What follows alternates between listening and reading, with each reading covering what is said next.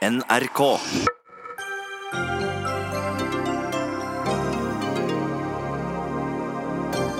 Luftambulansen i nord er i krise fem måneder etter at Babcock overtok tjenesten.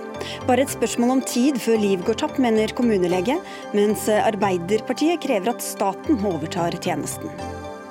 En av de største metoo-sakene i Sverige fikk sin dom i dag. Sissi Wallin er dømt for grov ærekrenkelse mot journalisten Fredrik Virtanen etter at hun skrev at han hadde voldtatt henne. Oslo-byrådet foreslår boikott av varer fra områder Israel har okkupert. Er utenrikspolitikk viktigere for dem enn Oslos egne innbyggere, spør skribent. Og regjeringa vil sette klimakvoter på sparekonto i tilfelle vi ikke klarer å kutte nok innenlands. Stoler de ikke på at de når sine egne mål?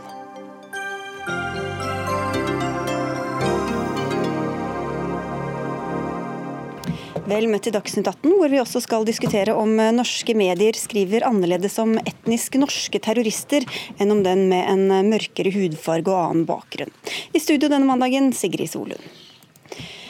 Problemene tårner seg opp for det svenske selskapet Babcock, som vant anbudet og tok over luftambulansetjenesten 1.7 i år. Siden da har beredskapen vært lavere enn den skulle vært, og i helga sto fem av elleve ambulansefly på bakken pga. tekniske problemer. Helse Nord har satt krisestab, og to ekstra fly er hentet fra Sverige og Forsvarets helikopter satt inn, men Hanne Heslein Lossius, du er kommunelege i Berlevåg i Finnmark og sier at situasjonen fortsatt er dramatisk. Hvordan ser situasjonen ut for dere nå? Nei, sånn som situasjonen er i dag, så er den fullstendig uakseptabel. Den er ekstrem, og vi frykter jo for pasientene sin sikkerhet hver eneste dag. Hva er det som, eh, altså, er, det som er farlig for, for, for pasientene i denne situasjonen? Nei, altså det er, jo, det er jo det som vi har snakket om lenge nå, i ett og et halvt år faktisk. At eh, luftambulansetjenesten er ustabil. Vi kan ikke stole på at vi får de flyene vi bestiller innenfor eh, riktig tidsramme. Og det går selvfølgelig utover de akutte sykepasientene, hasteturene, der pasientene må fraktes raskt inn til sykehus. Eh, og nå er det sånn, tenker jeg, at nå er det på tide at alle i Oslo og alle som kan gjøre noe med dette, faktisk forstår de avstandene som vi har i Finnmark, og de avstandene vi forholder oss til hver eneste dag. Vi er altså 30 mil unna nærmeste sykehus, og vi er over 40 mil unna nærmeste universitetssykehus. Blir du da alvorlig syk, så må du ha fly for å rekke tidsfristene for å komme inn til behandling. Vi klarer ikke det med bare ambulansebiler. Vi klarer ikke det med en svekket flyberedskap. Og Du sier at det bare er et spørsmål om tid før, før liv går tapt? Ja, det tenker jeg. Hittil har vi hatt flaks. Eh, men sånn som situasjonen er nå, så er det såpass kritisk at eh, får man veldig syke pasienter på legevakt, eh, og det ikke er fly tilgjengelig, nå står halve flåten på bakken, hvis man da er i en situasjon der man ikke får evakuert ut pasienter med fly, ja, da går det galt. Helseminister Bent det er altså fem måneder siden Babcock overtok. Hvordan kan du leve med at pasienter i nord da ikke vet om de får den hjelpen de trenger? Nei, Det aksepterer vi ikke. Det er også årsaken til at vi òg før det som skjedde i helgen, uh, satte inn Forsvarets helikopter i Kirkenes. Uh, fordi vi så at Babcock ikke leverte i tråd med det som var våre forventninger. og Det er også årsaken til at vi da som sagt satte inn ekstra tiltak nettopp for å ta hensyn til pasienten. Fordi vi forstår veldig godt at dette har vært og er veldig krevende Eh, både for befolkningen i nord, men ikke minst for de som jobber i helsetjenesten i nord. Når denne type tjenester ikke er sånn som planlagt, selv når vi setter inn ekstra tiltak, så betyr det eh, økt belastning og, eh, og en forverra situasjon. fordi det beste er alltid når helsetjenesten har den beredskapen som er planlagt, som er forutsigbar, som en er vant med, som en er trent på. Eh, men det betyr ikke at vi ikke kan la være å sette inn ekstra tiltak når en leverandør ikke leverer. og Derfor har vi også gjort det. Men Du var her også for en del uker tilbake og snakket om også da var situasjonen prekær. Hva har skjedd da siden du var her sist og lovte at nå skulle det bli bedre? Ja, Det som skjedde nå i helgen, det var jo at eh, det oppstår noen tekniske utfordringer med eh, fire av flyene, som gjorde at de ble satt på bakken av hensyn til sikkerheten til de som flyr og de som er om bord i flyene. Det er alltid det som skal gå først. Uh, så det var jo en riktig beslutning å ta. Og Da var vi i en eh, mye mer alvorlig situasjon. og Det er årsaken til at Helse Nord har satt krisestab.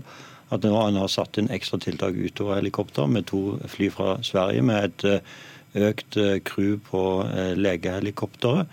Eh, i tillegg, for at det også skal kunne være mer operativt, og i tillegg til å styrke bemanningen på de stedene der en håndterer denne saken. Bare nevne også at Vi har invitert Babcock, som ikke ville være med hos oss i dag, men bl.a. sier at de har satt inn alle ressurser for å finne feilen på flyene som står på bakken, og at de beklager usikkerheten som er skapt. Men Heslein Lossius, da hører vi at det er satt inn ekstra ressurser. Hvorfor er ikke det tilstrekkelig, mener du, det som er satt inn nå?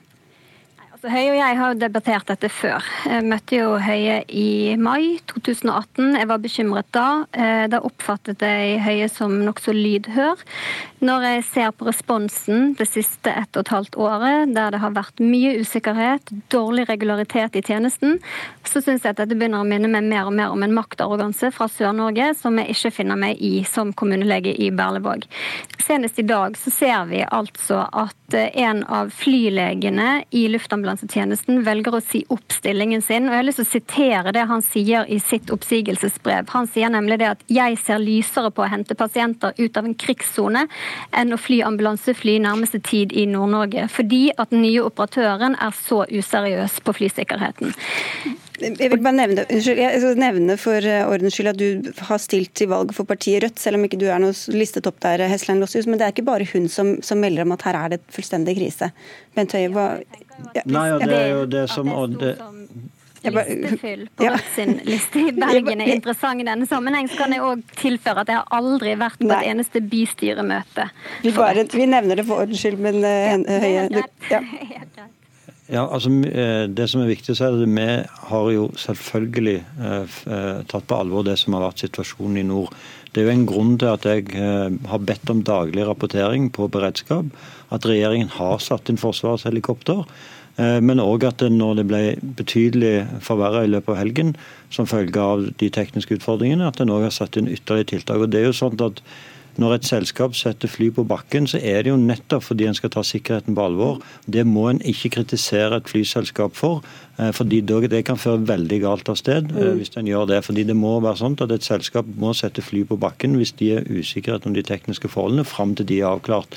Okay. Det er viktig å gjøre. Men Det er flere som skal på her. Leder i Arbeiderpartiet Jonas Gahr Støre, dere har tatt eh, saken opp i Stortinget i dag og stilt forslag om at alle tilgjengelige ressurser må settes inn, og at tjenesten kan tas over av staten på sikt. For å ta det første først, Hvilke ressurser er det som ikke er satt inn, som kunne vært satt inn, mener du? Altså, det er mye å si her. Det som kommer fra Berlevåg, er jo fortellingen om menneskers liv i nord og den usikkerheten som oppstår. Den har vart lenge, og det Høie nå sitter og sier Jeg sa i Stortinget han høres ut som pressetalspersonen for Babcock. Han er mer opptatt av situasjonen rundt det selskapet enn for de menneskene som nå er utrygge på om det kommer noen og henter dem, legene som skal behandle og ikke kan sende pasienter. Hele den utryggheten som har vart i måned etter måned. Jeg siterer her fra statsministeren i Stortinget i oktober. Det er bedre beredskap i luftambulansen enn det har vært tidligere fordi vi har styrket luftambulansen.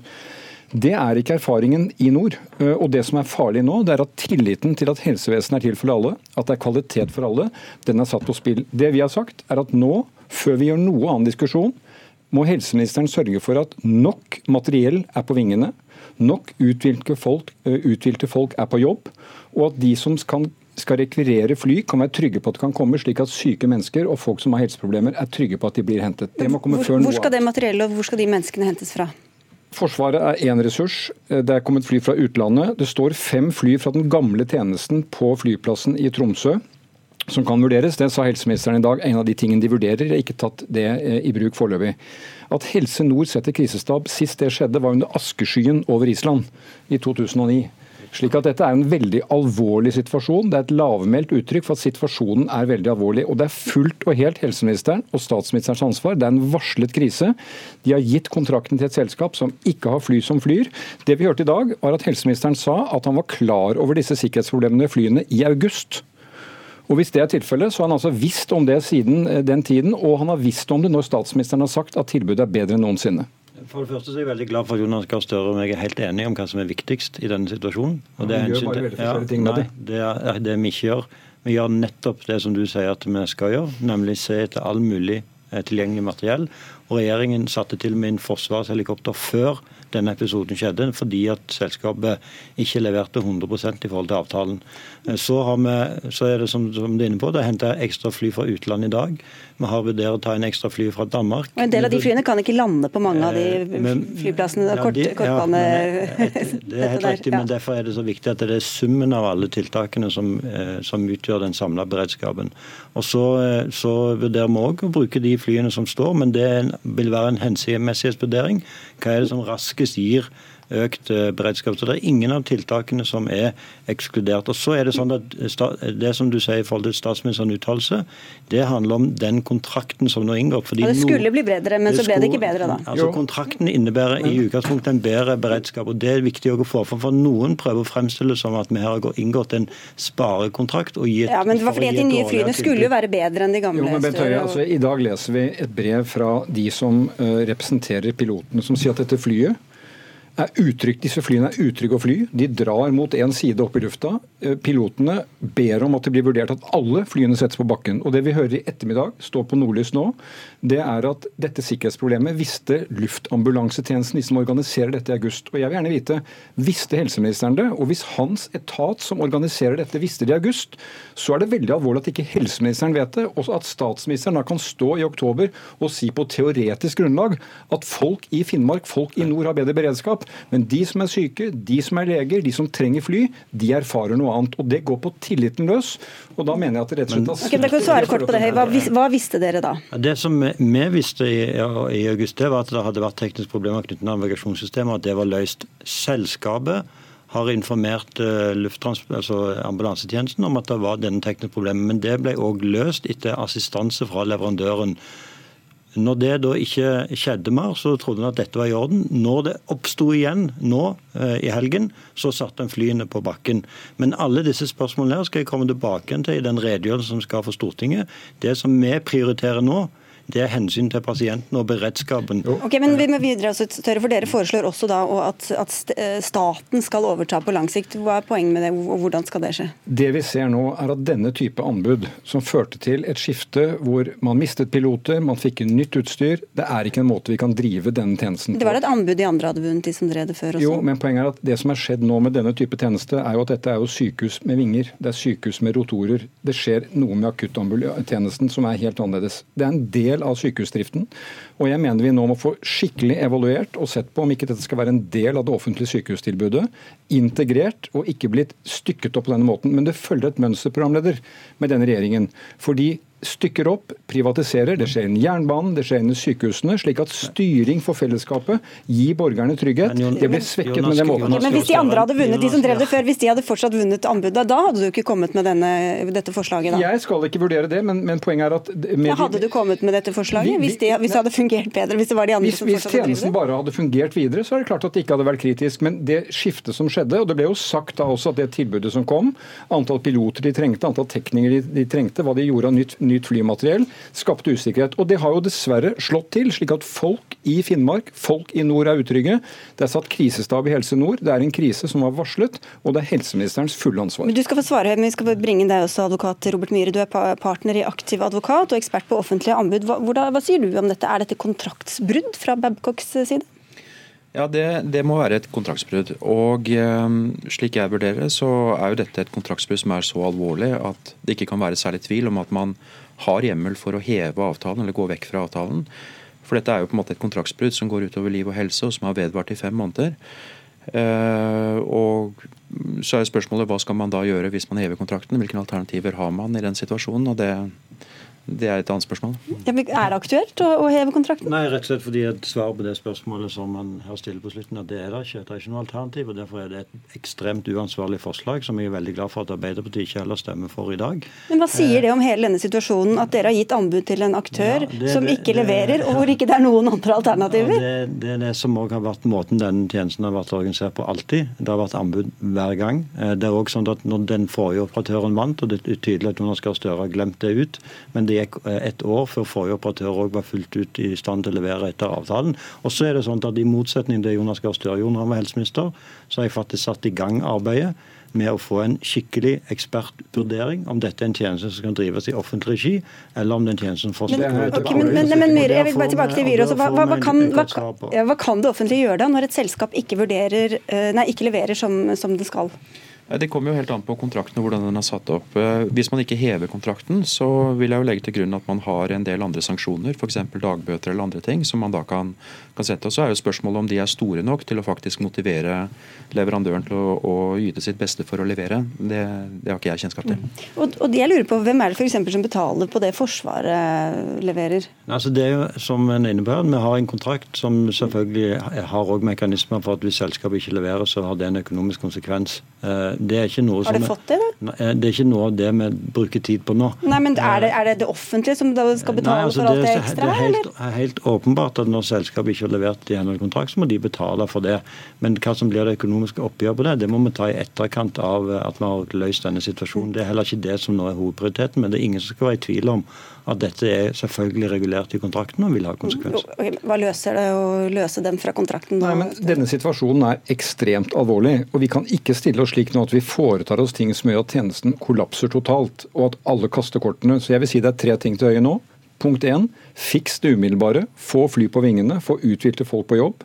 Punkt to, kom og redegjør for hva du har gjort og hva du har tenkt å gjøre. Og punkt tre, så får vi se på organiseringen. Og jeg tror denne måten å organisere det på er ikke fremtidens måte å gjøre det på. Det har vi vist. Og jeg bare, jeg vil gjenta, jeg vil gjenta, jeg vil gjenta, jeg vil gjenta en gang til. For en måned siden sto statsministeren i Stortinget og sa vi har styrket beredskapen i nord. Det er et teoretisk regnestykke som ikke rimer med de livene folk lever og det de erfarer. Men, eh, men dine tre oppsummeringer det er jeg helt enig i, det er det jeg har sagt i hele dag òg. Så det er noe som jeg absolutt kommer til å følge. Men du har brakt deg selv i en situasjon Nei, som gjør folk utrygge, og det er veldig alvorlig. Altså, nå tenkte jeg at Du ville gjerne ha et konstruktivt svar på dine tre utfordringer. og Det konstruktive svaret på dine tre utfordringer det har jeg allerede svart. at Det er nettopp det som det konstruktive svaret er at tilliten til denne helseministeren er tynnslitt. Det er det som er de, nettopp de prioriteringene vi òg har, så da er vi helt enige om det. Det er nettopp det som er viktig. Det, det, det, det som er det konstruktive her, Bent Høie, det er at når vi nå får vite om at man har visst om problemene rundt sikkerhet tilbake til august, så er tilliten til din styring av den etaten du har ansvar for, den er tynnslitt. Og det må vi komme tilbake til i punkt tre, når du har redegjort og vi ser hvordan dette er organisert og hva som er opplegg for framtiden. Redegjøringen skal vi gjøre på et tidspunkt der folkene som jobber med dette, har muligheten til å være med i en god redegjørelse, ikke på et tidspunkt der de håndterer en veldig alvorlig situasjon. Det er det som er første prioritet. Ok, Da sier vi tusen takk til dere alle sammen eh, for denne runden. Det blir helt garantert flere. Helseminister Bent Høie, Jonas Gahr Støre, Arbeiderpartileder, Hanne Eslein Lossius, som er kommunelege i Berlevåg, og Robert Myhre, som er advokat og partner i Aktiv advokat. Dagsnytt 18 alle hverdager kl 18.00 på NRK P2 og NRK2. Snart skal vi diskutere Oslo-byrådets boikott av varer fra okkupert land. Men først til en sak som har fått mye oppmerksomhet i Sverige siden den nådde offentligheten for to år siden. I dag ble nemlig den svenske medieprofilen Sissi Wallin dømt for grove ærekrenkelser mot den kjente journalisten Fredrik Virtan. 16.10.2017 skrev Valin på sin Instagram-profil med emneknaggen metoo den mektige mediemannen som dopet og voldtok meg i 2006, var Fredrik Virtan. Saken fikk enorm mediedekning, og Virtan mistet etter hvert jobben i Aftonbladet og mottok hatbrev blant annet. Så anmeldte han Valin, og hun er nå da i dag dømt til betinget fengsel og dagsbøter, og må i tillegg betale 90 000 kroner i oppreisning til Virtan. Valin anker dommen og sier til NRK at den er et nederlag for ytringsfriheten. Og er du enig, Ida Eliassen Coker, du er sjefredaktør i magasinet, altså et reklamefritt kvinnemagasin? Eh, om jeg er enig i at det er et nederlag for ytringsfriheten? Ja. Um det er jeg. Ja, for du, Vi har engasjert deg fordi du har engasjert deg i denne mm. saken. Og Du har tidligere startet en kronerulling og sendt Sissi Wallin blomster. Hva var det som fikk deg til å gjøre det? Hvorfor støtter du henne? Det var på en måte en litt vanskelig avgjørelse å ta. For som redaktør så skal jeg jo være ehm, Jeg skal ikke ta noe standpunkt i en sånn sak. Men det som jeg er sikker på, er at hun forteller sin sannhet, og at hun gjør en, står i en viktig kamp, en viktig prinsipiell kamp, eh, som jeg ville vite viser at det var mange som støtta. Mm.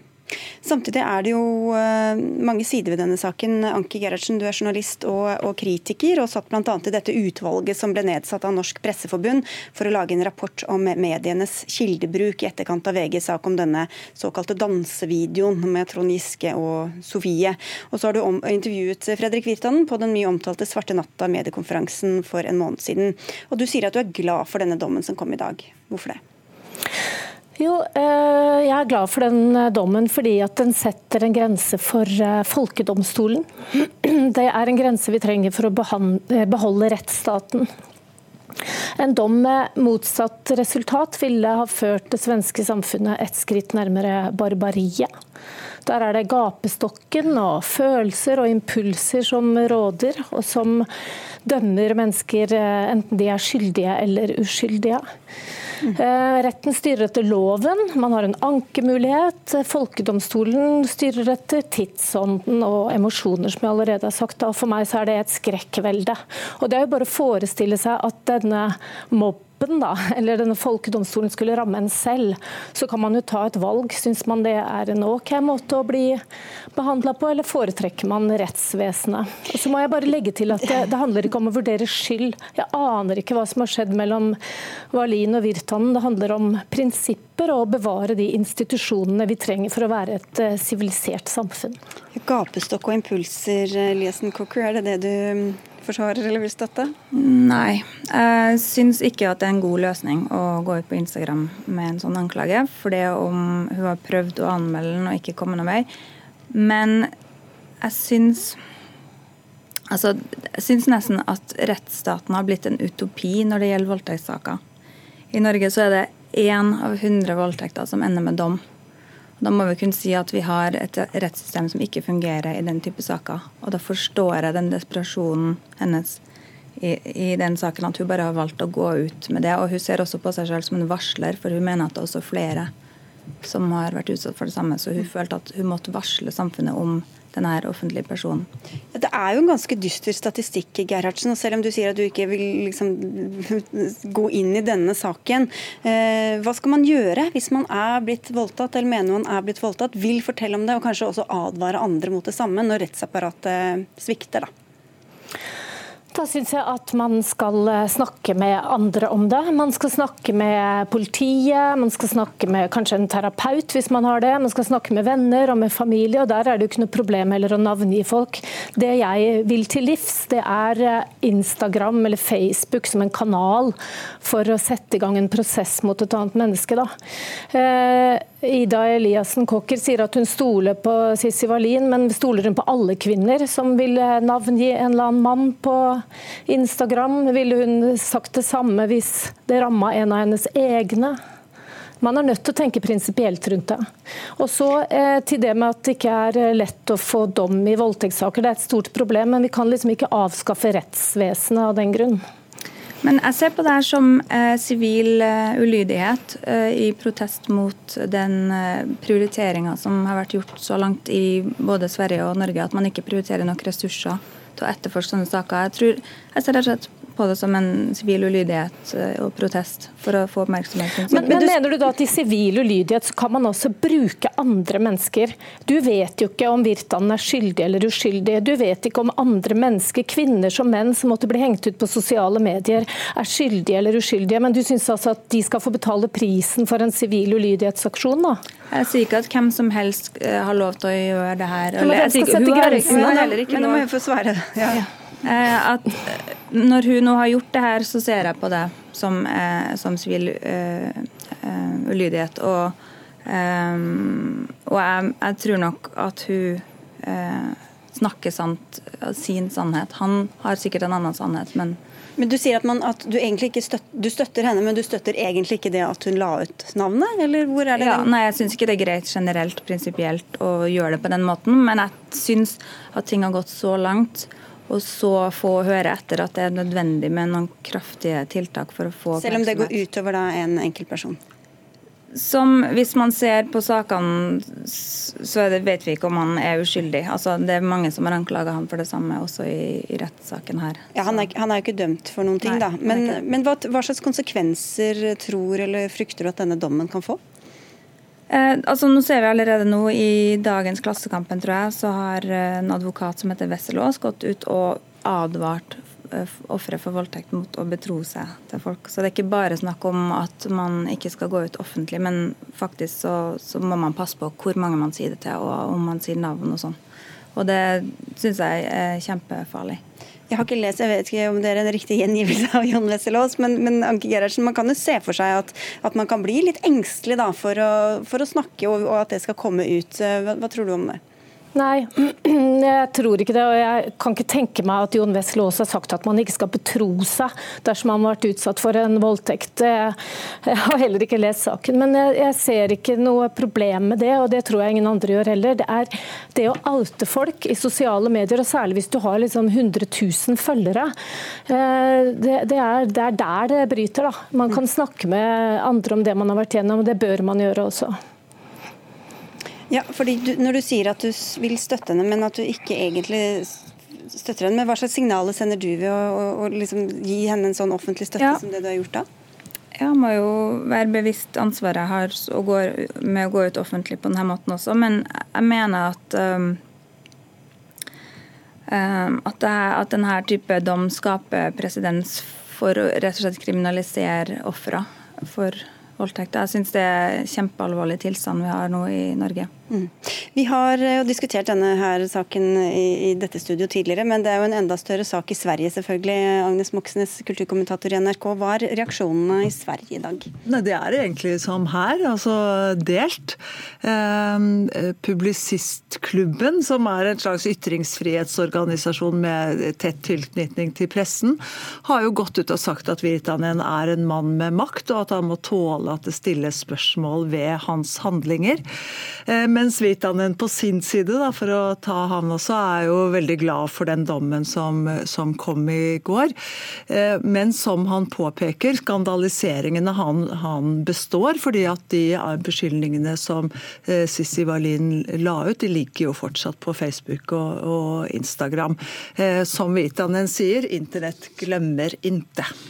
Hun ble jo altså, en av de første som, som brukte denne hashtaggen metoo da i Sverige, og ble, og og veldig, fikk veldig mye oppmerksomhet. Hvordan ble en slags sånn ansikt for hele den bevegelsen i nabolandet her? Altså Utgangspunktet er jo nettopp en debatt i Sverige om voldtektsforbrytelse. Altså voldtekter som ikke ble tatt på alvor. Og Så var hun i New York, så vidt jeg har forstått, akkurat da eh, New York Times og The New Yorker kom med veldig gjennomarbeidet og grundig undersøkende journalistikk om Harvey Weinstein. Eh, som eh, man kan vel konkludere med at det de gjorde, var altså gjennom de artiklene eh, brøt taushetskulturen som hadde vært rundt Harvey Weinstein. Og Så reiste hun hjem til, eh, til Sverige, og så la hun altså ut disse beskyldningene, flere beskyldninger mot eh, Fredrik Virtanen, og ga han også et navn, at dette er mannen som, som dopet meg ned og voldtok meg. Og Dermed så satte hun i gang en, satte på en måte en litt sånn standard for metoo bevegelsen i Sverige, som jo er nettopp med dette med, som utgangspunkt veldig forskjellig f.eks. For fra Norge. Da. Ja, For der navnga de mange flere enn det Veldig de mange her. flere mm. som, som, ble navngitt, ja.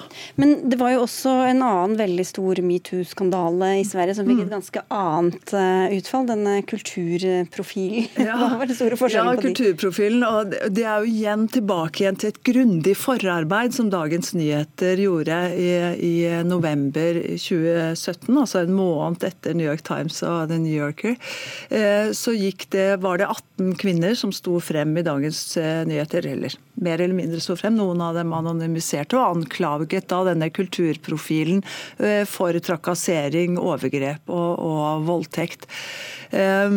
Og han er jo den eneste, så vidt jeg vet, som er, faktisk er blitt dømt i forlengelsen av de metoo-angrepene. To og et halvt års fengsel. Og det førte jo også, i og med at han var gift med en av det svenske akademiets eh, medlemmer, så førte det jo også til at svenske akademien nesten gikk i oppløsning. Fordi man ikke egentlig evnet å takle en metoo-sak. Mm. Hva kan skje videre med denne saken nå, tror du? Nei, Nå er den jo anket, eh, og det er jo en prinsipiell sivil sak, så jeg vil tro at den har i seg muligheten til å gå helt til, til Høyesterett.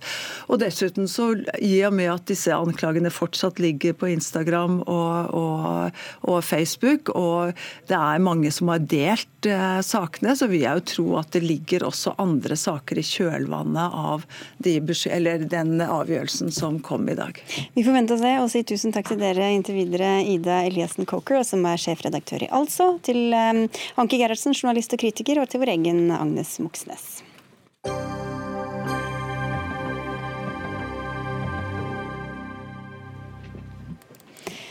Et boikottforslag fra Oslo-byrådet har skapt frykt hos norske jøder. I den nye plattformen for byrådet i Oslo står det at de ikke vil kjøpe inn varer og tjenester fra områder preget av okkupasjon, som Vestbredden f.eks.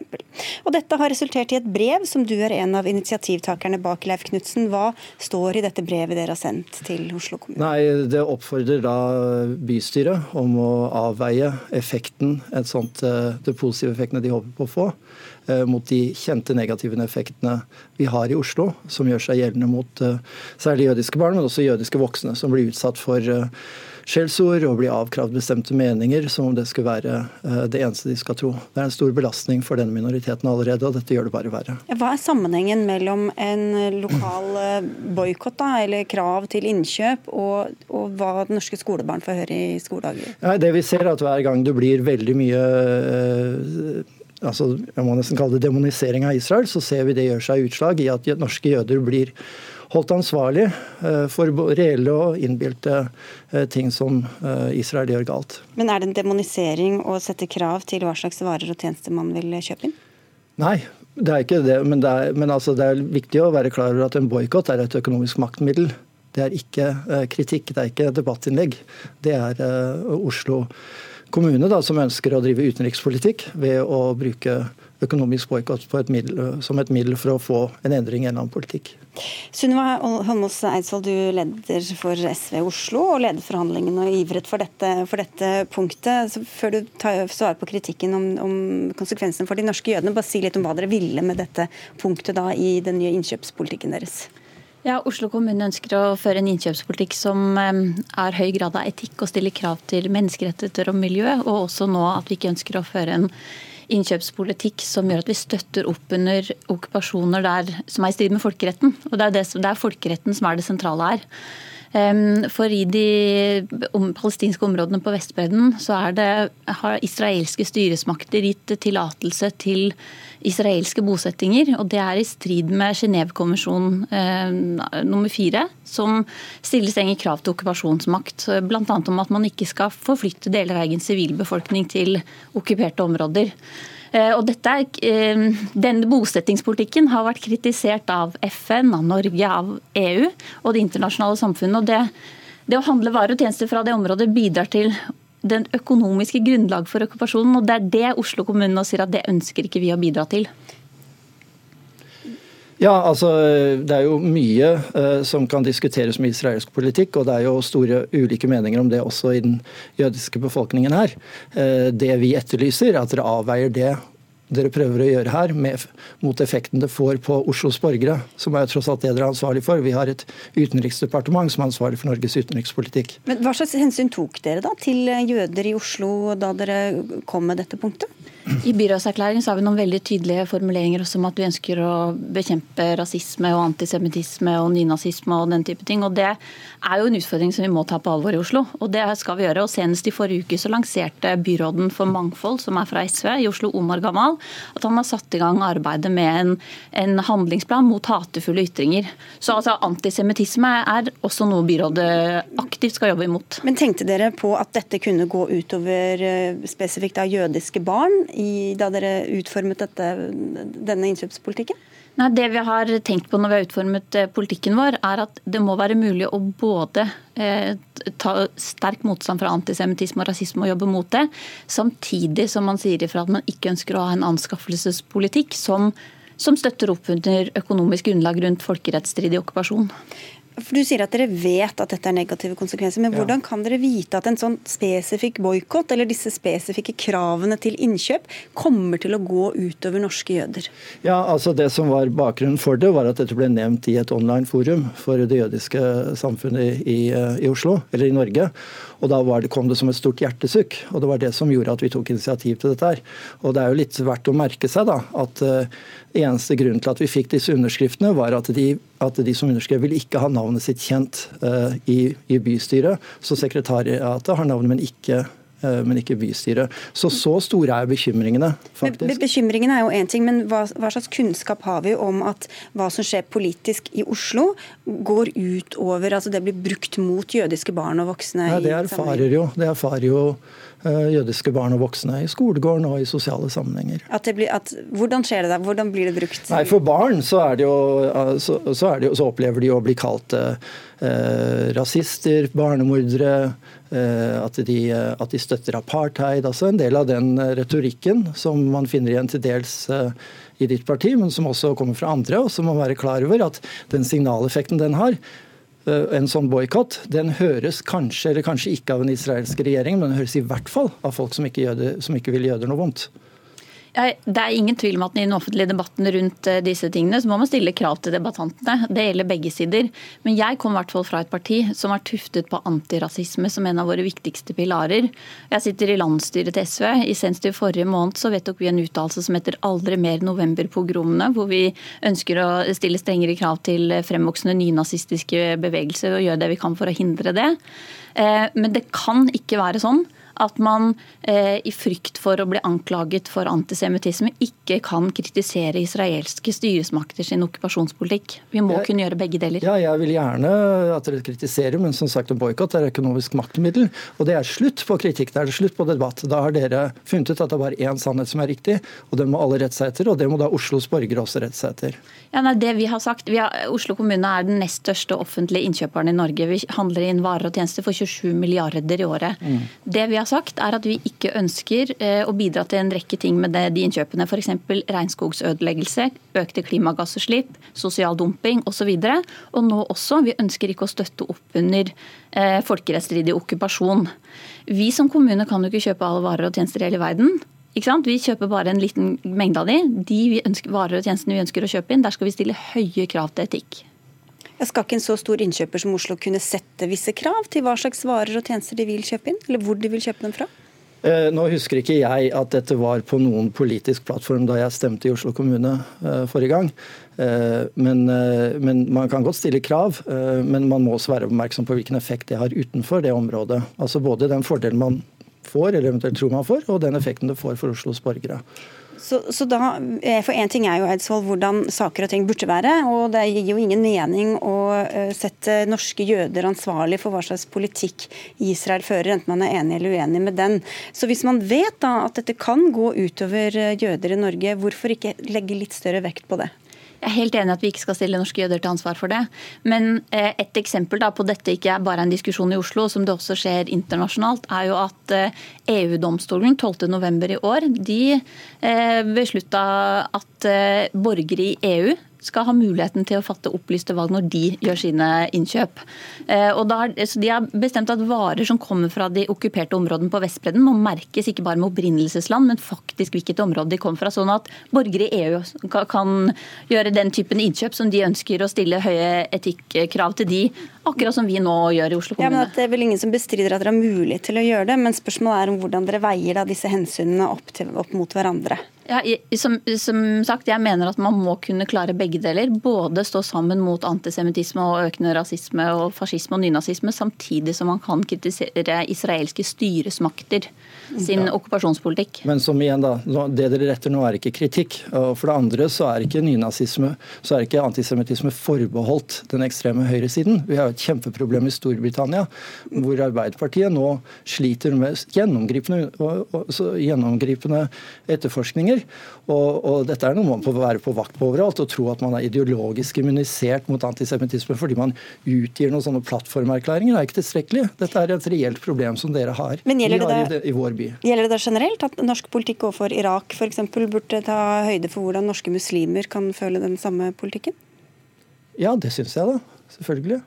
Hvis uh, vår politikk overfor Irak eller Iran, eller for den saks skyld palestinere, går utover de som har tilhørighet til det, så må vi selvfølgelig ta hensyn til det. Jeg syns jo, sånn som min egen del, at når det gjelder palestinere, så syns jeg vi skal støtte uh, deres økonomi for at de skal få det bedre. Ok, det, Helt på tampen av Eidsvoll, nå skal dette utredes hos Finansbyrådets kontor. Skal det da også se på hva slags konsekvenser det kan få for norske jøder? Eh, det som skal gjøres er altså Utenriksdepartementet har etter at f.eks.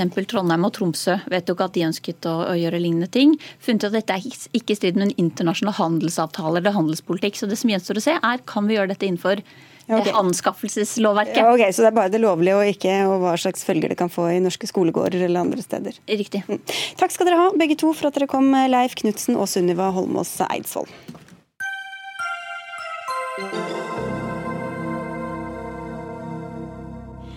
Mens verdenssamfunnet i disse dager diskuterer hvordan landene skal følge opp Parisavtalen, skal vi i Dagsnytt 18 diskutere hvordan regjeringa skal følge opp egne klimamål om å kutte 40% av Norges klimagassutslipp innen 2030.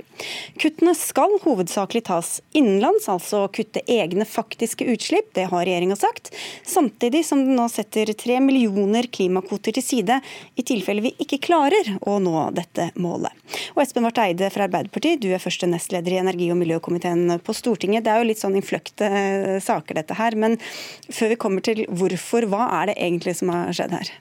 Nei, altså Det regjeringen sier at de ønsker, er å ta noen eh, overskytende kvoter fra det som heter kvotepliktig sektor i ETS-systemet, som det heter på fagspråket, og flytte dem over eh, til eh, mulige ekstra utslipp i ikke-kvotepliktig sektor. Og Det betyr på en måte at vi gir oss rom for å slippe ut litt mer enn det vi egentlig skulle etter Parisavtalen.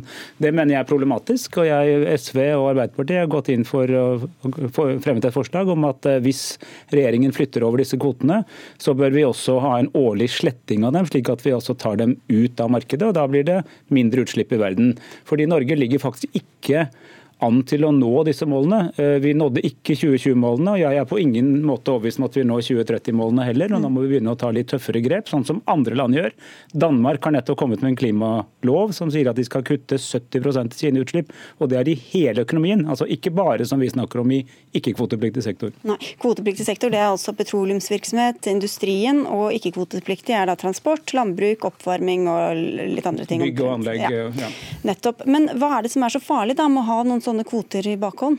Altså, problemet med å holde dem i reserve, det er at eh, det øker jo fristelsen utover på 2020-tallet for å da bruke av denne reserven, altså tillate seg litt større utslipp, da, eh, det betyr at vi ikke binder oss til masten i å faktisk oppfylle vår del av forpliktelsene etter Parisavtalen eh, likevel. Vi gir oss litt mer rom. og Det er dårlig klimapolitikk, men det er etter min mening også dårlig, for dårlig næringspolitikk. fordi at Det betyr at vi utsetter tiltak som vi likevel må gjøre på et eller annet tidspunkt. Og Jeg tror det er mye smartere om Norge prøver å gå i front og være tidlig ute med å gjøre ting som vi i alle fall må gjøre. For vi skal jo over til en karbonnøytral verden, altså en verden hvor vi ikke slipper ut mer enn det vi klarer å binde igjen etterpå. Vi skal høre med deg, klima- og miljøminister Ola Elvestuen. Hvorfor skal vi beholde disse kvotene? Ja, Nå utsetter vi ingenting. Tvert imot, vi skal legge fram en plan til neste år for hvordan vi skal kutte minst 45 eh, i da ikke-kvotepliktig sektor fram mot 2030. Og Forslaget fra SV og Arbeiderpartiet om å kutte i disse kvotene, det lar seg ikke gjøre. Det er ikke i henhold til regelverket som EU har. Så det eneste måten å kutte disse tre millionene på, og slette de, det er å gjøre som det regjeringen foreslår. At vi setter de til side. At vi når målene våre. Da vil også disse slettes når perioden Men, er over i 2030. Nå sier han at de kan slettes, slettes år etter år. Nei det, lar, nei det, kan man ikke. Nei, det kan du ikke. Okay, Så hvis du kunne slette dem, så ville du slettet dem? Ja, men Dette er et regelverk. Så det sletter i år for år, det lar seg ikke gjøre. Så forslaget deres gir ingen mening. Eneste måten, å slette det, eneste måten å slette det på, sette det til side, overoppfylle målet. Hvis du velger å ikke sette det til side, så vil det bare bli solgt ut og da brukes i industrien og, og petroleumssektoren, som de andre kvotene brukes nå i dag. Så dette forslaget har ikke noe med, eller forslaget fra Arbeiderpartiet og SV har ikke noe med ekstra klimatiltak å, å gjøre. Da må man følge det som er regjeringens forslag. Dette skjønner jeg eh, veldig lite av. fordi det er klart at man kan, hvis man, hvis man, eier en kvote, så kan man la være å bruke den. Man kan frivillig avstå fra å bruke den, og derved altså også slette den formelt. og Det kan man gjøre år for år etterpå. Det er Selvfølgelig har man rett i det. Altså det, det, er jo noe Nei, flere land, f.eks. Sverige, driver med. At man altså sletter kvoter istedenfor å bruke dem for å ta kvotene ut av markedet. Så jeg mener at eh, det, det er egentlig helt Vi var jo i utgangspunktet mot at man skulle bruke denne mekanismen, men hvis dere nå gjør det, så er det for så vidt greit, så lenge man garanterer at man ikke da bruker dem og ikke gir seg en ekstra utslippstillatelse, i tillegg til det relativt lite ambisiøse målet vi allerede har, sammenlignet med alle de landene som setter seg mye strengere mål. Men det du sier er ikke riktig. Når disse settes side, så kan det, slutt, kan det kun slettes ved slutten av perioden. Og Målet for regjeringen, og jeg håper det gjelder hele Stortinget, er at vi skal nå målene våre. Vi skal kutte mer enn 45% i dette området. Og så jobber jo vi også overfor EU og også innad er det jo krefter for å forsterke målene. Vi ønsker at målene skal økes til 55% som vil få en direkte betydning også for de utslippsreduksjonene som vi må ha i Norge. Men, både i kvotepliktig sektor og ikke-kvotepliktig sektor. Elvestuen, Betyr det at det er helt uaktuelt å noen gang bruke disse kvotene? Ja, Målet er at disse kvotene skal føre til en Målet er jo noe annet enn en garanti, da. Ja, det, jeg skal legge fram planen for hvordan vi skal nå målet i 2030. Og så skal jeg bruke min posisjon for å få det. Men det er da gjennom en tiårsperiode at den politikken må, må implementeres og gjennomføres. Eh, og da, da er det å ha disse satt til side, og da vil det kunne få en tilleggseffekt ved å nå målet i 2030. Men Da kunne vi bli enige om her og nå Elvestuen, at vi sammen foreslår for Stortinget at man altså vedtar at disse eh, ekstra, ekstra ETS-kvotene, som da konverteres til eh, den såkalte innsatsfordelingsordningen, eller i praksis ikke-kvotepliktig sektor, at vi vedtar at de ikke skal brukes, at vi holder dem unna slik at vi helt sikkert ikke bruker dem. Det vi kunne da, Hvis du gikk inn for det, ville du få støtte fra opposisjonen i Stortinget for det. Og Da vet vi at vi må oppnå våre egne mål for ikke-kvotepliktig sektor. Og så har jeg også lyst til å påpeke at flere og flere land setter seg nå mål for hele økonomien, og ikke bare for ikke-kvotepliktig sektor. Og Det tror jeg vi før eller siden også må begynne å ta inn over oss. Se mm. f.eks. det Danmark nå har gjort. Men for å ta det første her, Hvorfor kan dere ikke bare bli enige om at disse kvotene aldri skal brukes? Men Det er jo det vi foreslår at det ikke skal. Men derfor legger vi fram planen til neste år for hvordan vi skal nå målet eh, om å nå minst 45% innen 2030. Og Det er jo gjennom å gjennomføre politikken at du oppnår det som er målet med å ikke bruke av disse eh, kvotene. Og Vi har også økonomidekkende mål, men vi har det sammen med EU. Derfor så jobber vi også så hardt der for å øke det felles målet vi har til 55 mm. Men så vet, så vet kan Norge at, sette seg ja, egne tillegg. Ja, mm. ja.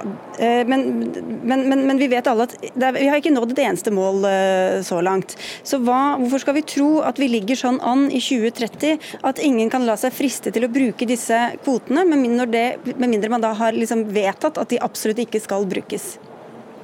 Fordi i motsetning til tidligere regjeringer skal vi legge fram en konkret plan for hvordan dette skal gjennomføres. Det gjør vi til neste år eh, for å nettopp føre til den, at du har den kraften til å nå disse målene.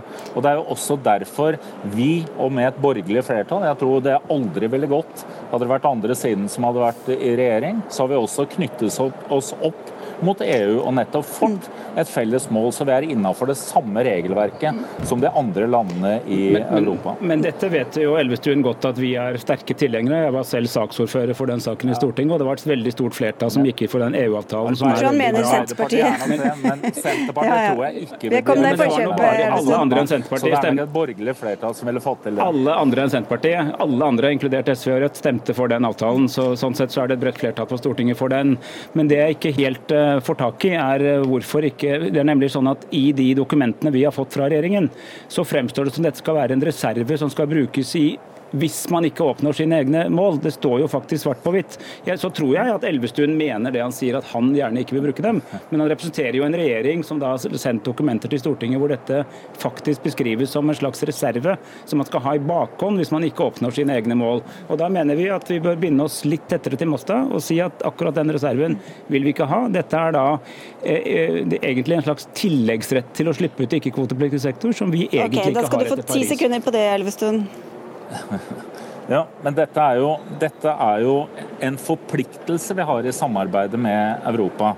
At vi nå vi skal nå våre mål. Vi setter oss høyere mål enn det vi må, som Danmark har gjort, som Sverige har gjort. Men er de en reserve, eller er de ikke en reserve, disse kvotene? Nei, forplikt, forpliktelsen ligger i vi som andre land, hvis vi ikke når målene våre, så er vi nødt til å overoppfylle og likevel å sørge for at de nødvendige utslippskuttene kommer. Det kan vi gjøre med denne reserven, ellers må de kjøpe fra andre land. Men så er det sikkert mange som husker Stortinget om å overføre disse kvotene. Jeg forstår ikke det hvis ikke du skal bruke dem helt sikkert. Nei, det vet fordi, ellers blir, fordi ellers blir det bare brukt av industrien og i kvotepliktig sektor. så, det, så det, eneste måten å få overoppfylt, er ved å gjøre det vi nå gjør. Mange som husker at kvotehandel også har vært en veldig viktig del av klimaet klimapolitikken til Arbeiderpartiet i alle år. Nå ser det kanskje ut til at det er nye takter. Hvem vet. Takk skal dere ha begge to, i hvert fall Espen Barth Eide fra Arbeiderpartiet og klima- og miljøminister Ola Elvestuen.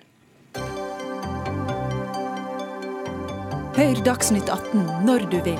Radio NRK Radio.nrk.no.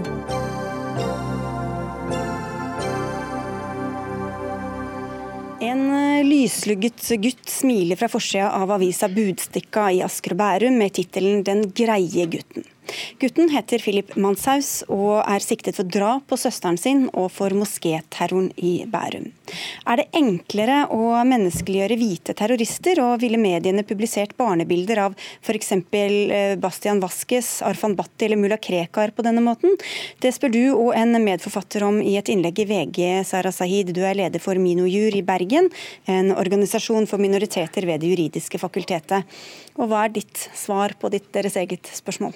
Ja, eh, jeg mener da at norske medier, deriblant Budstikka, menneskeliggjør eh, hvite terrorister i større grad enn muslimske eller ikke-vestlige. Og Da har jeg og Katja som har skrevet innlegget sammen med, trukket frem Budstikka som et klart eksempel på dette. her, Hvor de har brukt et barndomsbilde av en uskyldig smilende femåring med overskriften 'Den greie gutten'. Og Det er ingenting som får deg til å intuitivt tenke at dette er en drapsmann som, eh, altså, og terrorist som begikk terrorist, et eh, rasistisk drap på søsteren sin for fire måneder siden. Og altså, først og fremst så vil Jeg bare si at jeg er ikke imot menneskeliggjøring av terrorister i seg selv. Det er nødvendig og det er hensiktsmessig å forstå bakgrunnen til terrorister. Det er forebyggende arbeid. Men det er vanskelig å tenke seg at en norsk avis ville ha brukt samme type oppslag dersom terroristen hadde hatt en annen bakgrunn. Da. Og Det er det også forskning som viser. For Når det er eh, muslimer som begår terror, så får de fire ganger mer mediedekning. Mm.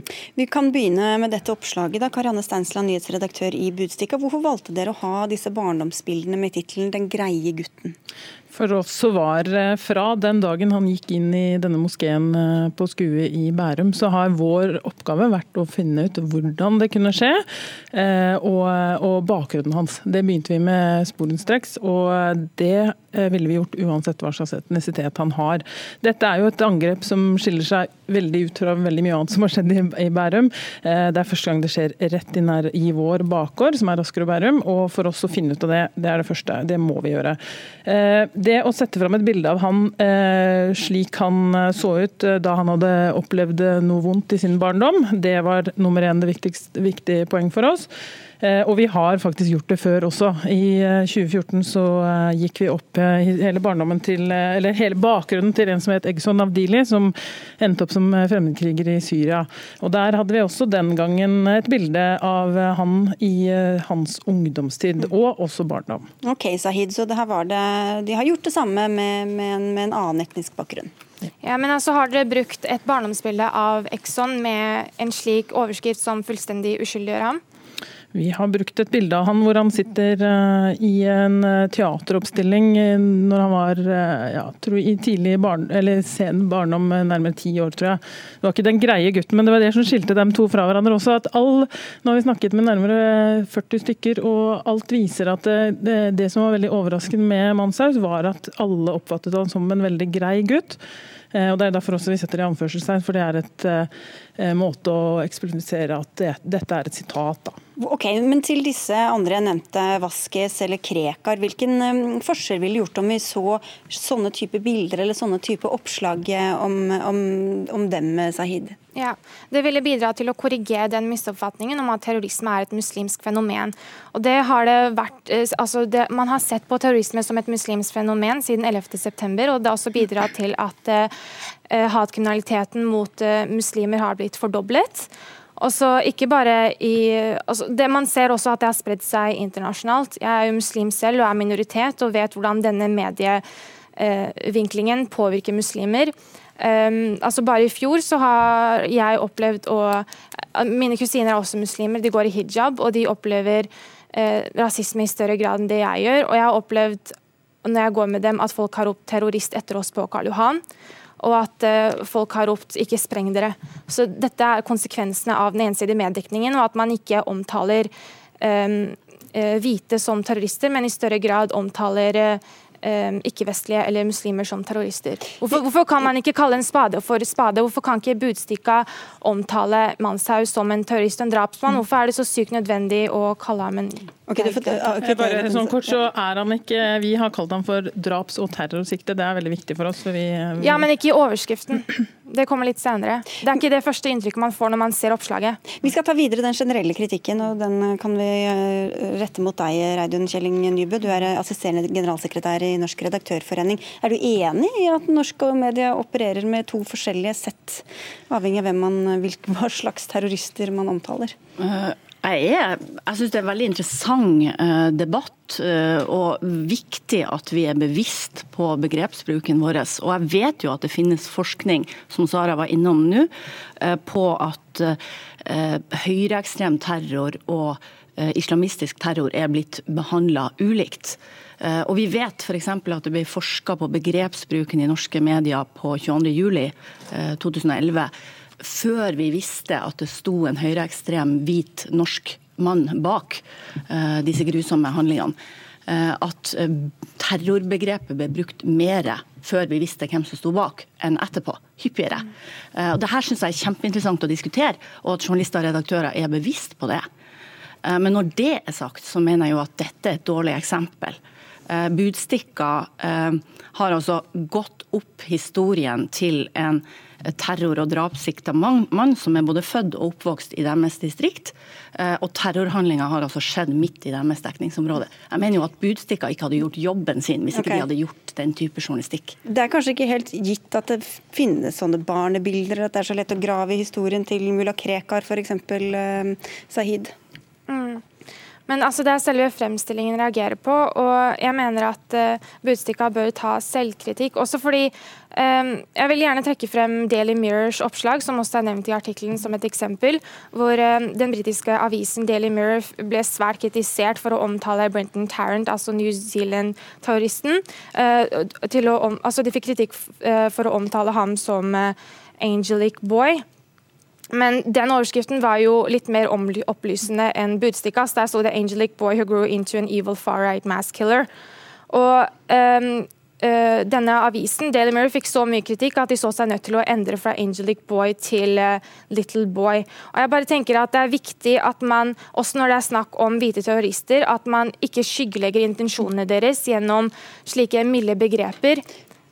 Fordi Høyreekstremisme er et like stort problem som islamisme, og det må man få igjen. Få, det må mediene eh, gi inntrykk for gjennom overskrifter og oppslag. Ja, hvorfor, men hvorfor skal man menneskeliggjøre disse terroristene i det hele tatt, da, enten de kommer herfra eller derfra? For oss er det, det viser jo også forskning eh, at eh, Anne Hegghammar, som er en veldig anerkjent terrorforsker, som, som dro fram dette her med at det er jo ingen som er født terrorister. Og vi må jo prøve å forstå som en, eh, altså, som en avis i vår egen bakgård. Hvordan kunne dette skje? Er det noe kritikkverdig? Er det noe altså, som man kunne gjort annerledes? Det er jo vår jobb. Og vi hadde jo som ikke gjort jobben vår hvis vi ikke hadde prøvd. Og det er klart at det er jo det vi akkurat har gjort i denne artikkelen. Men Nybø, det er jo ikke til å komme fra at veldig mange journalister og redaktører er hvite med den bakgrunnen mm. de har. Blir det da fort en sånn vi og dem at hvordan kunne dette skje med en av oss, for å låne tittelen mm. til Åsne Seierstad, og så er de, dem er de andre som vi ikke trenger å forstå på den, andre, på, på den samme måten? Jo, det er klart, det, Der må vi jo være bevisst begrepsbruken. Derfor er jeg så veldig glad for den kronikken. Selv om jeg ikke er enig i alt som skrives der, så, så mener jeg at debatten er viktig å ta. Eh, fordi Jeg fikk senest i dag spørsmål fra en journalist om hvor mange medlemmer i Norsk redaktørforening har eh, eh, innvandringsbakgrunn. Mm. Og, og, Da måtte jeg jo si at jeg vet veldig godt kjønnet til norske redaktører. Jeg vet mye mindre om det, og jeg tror heller ikke det er så veldig mange, dessverre. Vi fikk startet debatten i hvert fall. Tusen takk skal dere ha alle tre. Sara Sahid, Karianne Steinsland og Reidun Kjelling Nybø. Men lengre kommer vi ikke, for Dagsnytt 18 er over. Det var Dag Dørum som hadde ansvaret for innholdet i dag. Frode Thorshaug hadde det tekniske innholdet. Jeg heter Sigrid Solund, og vi ønsker alle en fin kveld videre.